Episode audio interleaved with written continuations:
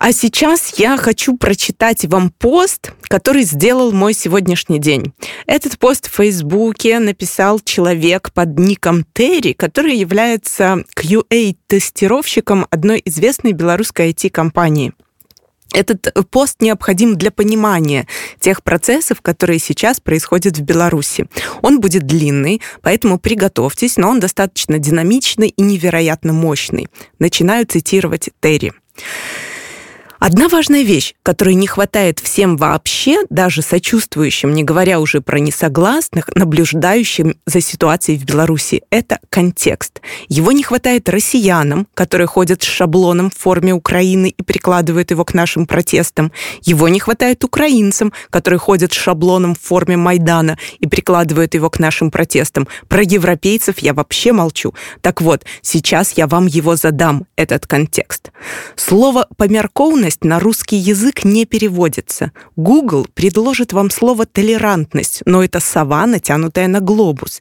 Это основополагающая черта белорусского менталитета. Максимально инертная смесь из рассудительности, прагматичности, терпимости и сдержанности. Грубо говоря, пока не припечет, ребята не пошевелятся. А даже если пошевелятся, это будет партизанская война. Поить французов парным молочком с мышьяком и ныкаться в лесах. Вот это вот все. Эта инертная смесь булькала в белорусах очень долгое время. Последние лет 150 как растащили Речь Посполитую и Калиновского угандошили. Что-то там похожее на зачатки национального самосознания вспыхнуло было в начале 20 века, но ребята из НКВД аккуратно решили эту небольшую проблему.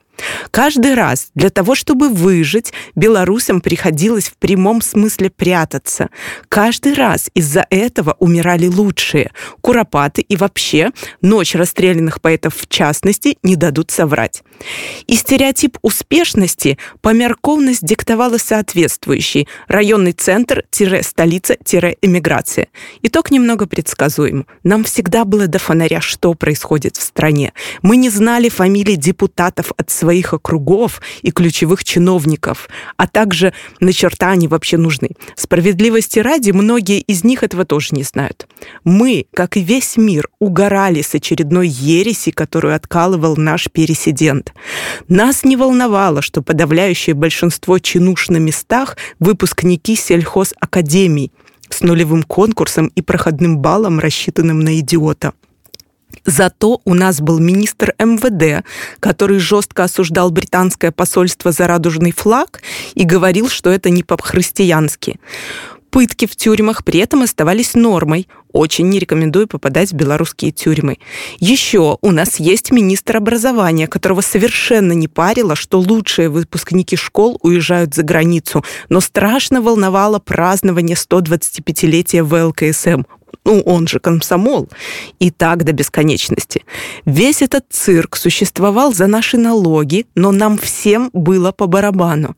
Оппозиционеры с бело-красно-белыми флагами, кстати, даже большинством вменяемых людей воспринимались как довольно маргинализированная социальная группа. Они действительно были невероятно далеки от народа со своей борьбой за мову и историческое наследие. Особенно от народа, который голосовал за Лукашенко в первые выборы 1994 года, за возможность еще немножко пожить иллюзией старого доброго брежневского застоя. Ну, знаете, красный флаг, самое вкусное мороженое, страна от Минска до Владивостока, и еще нас все боятся и уважают. Да, это была наша объективная реальность. Это понятно? А потом начались несостыковки. Правительство всю дорогу держало курс на максимально неэффективное вертикальное управление, которое держалось сугубо на страхе и невежестве исполнителей. В систему невозможно попасть, если ты не лоялен к ней. А чтобы быть успешным чиновником, нужно уметь качественно лизать чужой зад. На этом фоне экономика, образование, медицина и приблизительно все сферы неспешно шли по фиолетовой звезде, обнявшись и всклипывая, как побитые проститутки, потому что плохой управленец с мускулистым языком все еще плохой управленец. Люди не могли этого не замечать. Люди стали выражать робкое несогласие. Да, это во время тех протестов против повышения цен на топливо и общего экономического звездеца у нас арестовывали немых за выкрикивание антиправительственных лозунгах и одноруких за преступные хлопки. Да, это тогда у нас арестовывали за то, что люди собирались толпами и молча аплодировали. Если очень грубо обобщить период начала 2000-х, получится вот что. Власть выглянула из закон своих максимально далеких от народа дворцов и полезла в дела народа напрямую. Народ насупился, и продолжал молча глотать нелепые результаты выборов, разгоны протестов, бестолковые указы и странные ограничения. Но осадочек остался. Сейчас небольшой перерыв на музыку.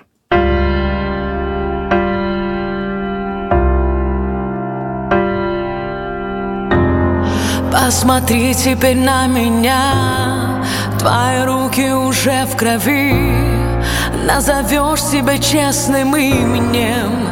Бог тебя не сохранит. Память наших кричащих душ.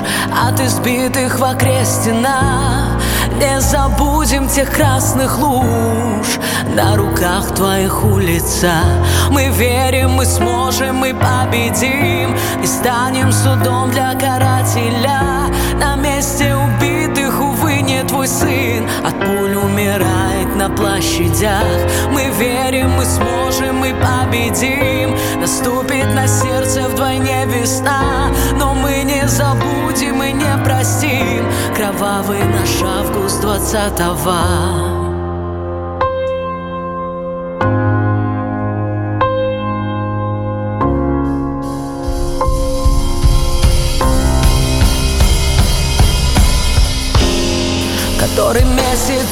борьба За свободу, за сильных нас.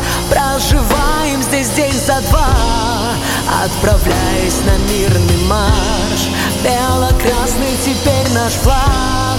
Цепку станем рука к руке. Не забудем тот шум гранат Разрывающий все в душе. Мы сможем, мы верим, мы победим. И станем судом для карателя Народ Беларуси непобедим. Мирно гуляя по площадям. Мы верим, мы сможем, мы победим. Наступит на сердце вдвойне весна. Но мы не забудем и не простим 26 лет беззакония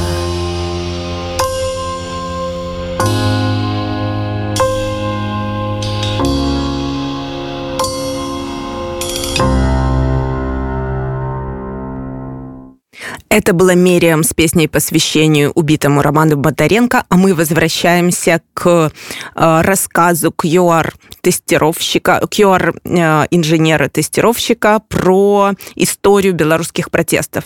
Итак, в 2020-м все пошло по одному месту совсем вообще – для планеты это ужасный год, а для Беларуси одновременно ужасный и потрясающий. Потому что в этом году даже самый далекий от политики Вася из Чучинщины обнаружил, насколько глубоко на самом деле власть имела в рот его мнение, его здоровье, его безопасность и его жизнь. Потому что сначала по стране утюгом проехался ковид, который президент немедленно окрестил психозом. Людей умерло просто с ума сойти сколько. СИЗов не хватало никому. Никаких официальных мер по предотвращению предотвращению распространения вируса не вводили. Мы имели вас в рот официально, сообщило государство. Нет, мы, конечно, будем продавать гуманитарную помощь вам же, а еще будем продавать кислород, который нужен больным в Россию, хоть рубль и российский, но все-таки валюта. И, кстати, будем заводить уголовные дела на главврачей, которые приняли от вас помощь. Ведь это взятка но мы имели вас. Окей, сказали белорусы, мы тогда вас тоже имели и сами справимся. После чего люди собрали сотни тысяч денег на СИЗы, на кислород, на аппараты ИВЛ, а также на чистом энтузиазме кормили и развозили медиков. И вот в этот момент покойные НКВДшники нервно, нервно заерзали в гробах, потому что снова вспыхнуло то пугающее, отдаленно напоминающее национальное самосознание. Потому что люди вдруг обнаружили, что сами вполне могут решать проблемы проблема на уровне государства. Это для нашей вертикали, конечно, было максимально возмутительно и непростительно, потому что, по их мнению, скот не может иметь своего мнения. Но мнение появилось. Вот такой подарочек нации из Уханя.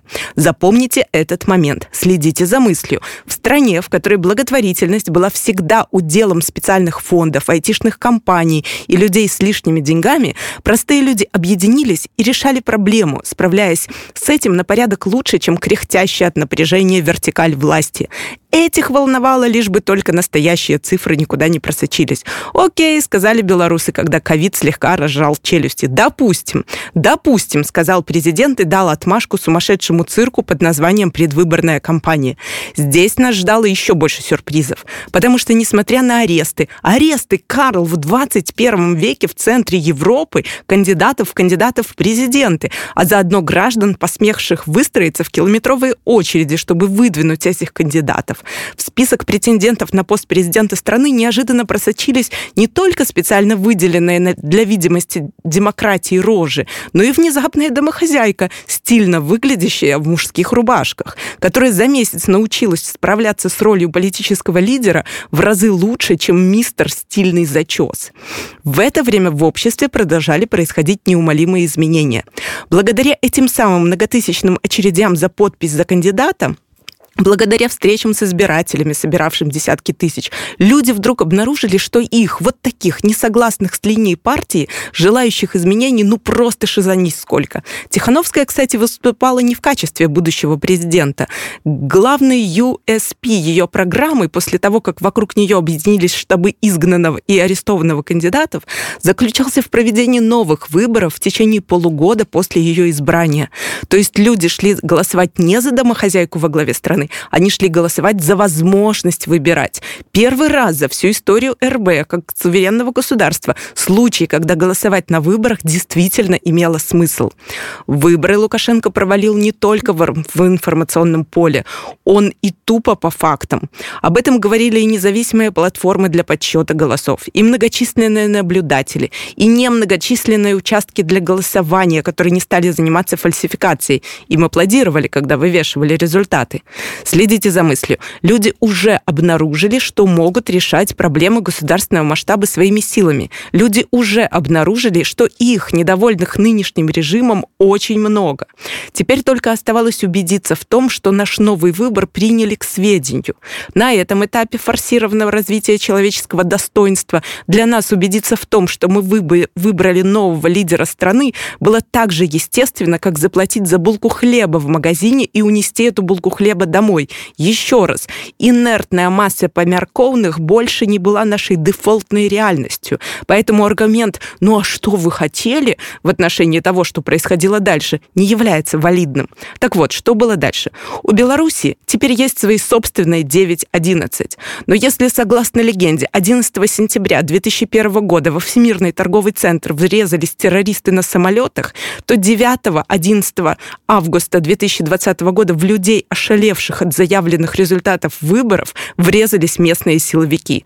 Так, что люди становились инвалидами. Так, что люди умирали. Люди, единственным преступлением которых стала статья 33 Конституции Республики Беларусь, свобода мнений, убеждений и их свободное выражение. Люди, которые просто вышли на улицы, не сожгли ни одной машины, не разбили ни одной витрины, читая по губам, по губам, они просто вышли на улицы. Здесь, для справки замечу. Самые массовые протесты за всю историю РБ вряд ли собирали больше 30 тысяч человек. После ужаса, учиненного в эту невыносимую неделю после выборов, на улицы стали выходить сотни тысяч.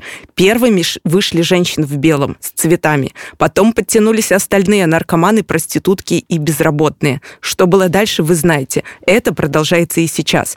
Это продолжается сегодня, когда тысячи отважных силовиков при полном параде окружают пару сотен людей во дворе, усыпанном цветами в память о Романе Бондаренко, еще одном несогласном, забитом насмерть в наше чудесное мирное время. Следите за мыслью, осознайте контекст. Это не история про Майдан или фиолетовую революцию в Крапинку. Это не история про западных кукловодов и никогда ею не была. Нас, кстати, никто не настроит против наших соседей. Come on, пацаны, еще раз. Дьявольски инертная смесь из рассудительности, прагматичности, терпимости скромности и сдержанности. Это история про людей, которые знают теперь, что их много, которые знают, что им помогут свои, которые сами готовы помогать друг другу, которым не все равно, потому что у каждого есть друг, подруга, брат, сестра, муж, жена, которым прилетела дубинкой за эти три месяца. Нам некуда отступать, ребят. Мы узнали, что такое человеческое достоинство, узнали болезненным путем. И хрен у нас теперь, кто это знание отнимет. А как мы им распорядимся, мы правда разберемся сами.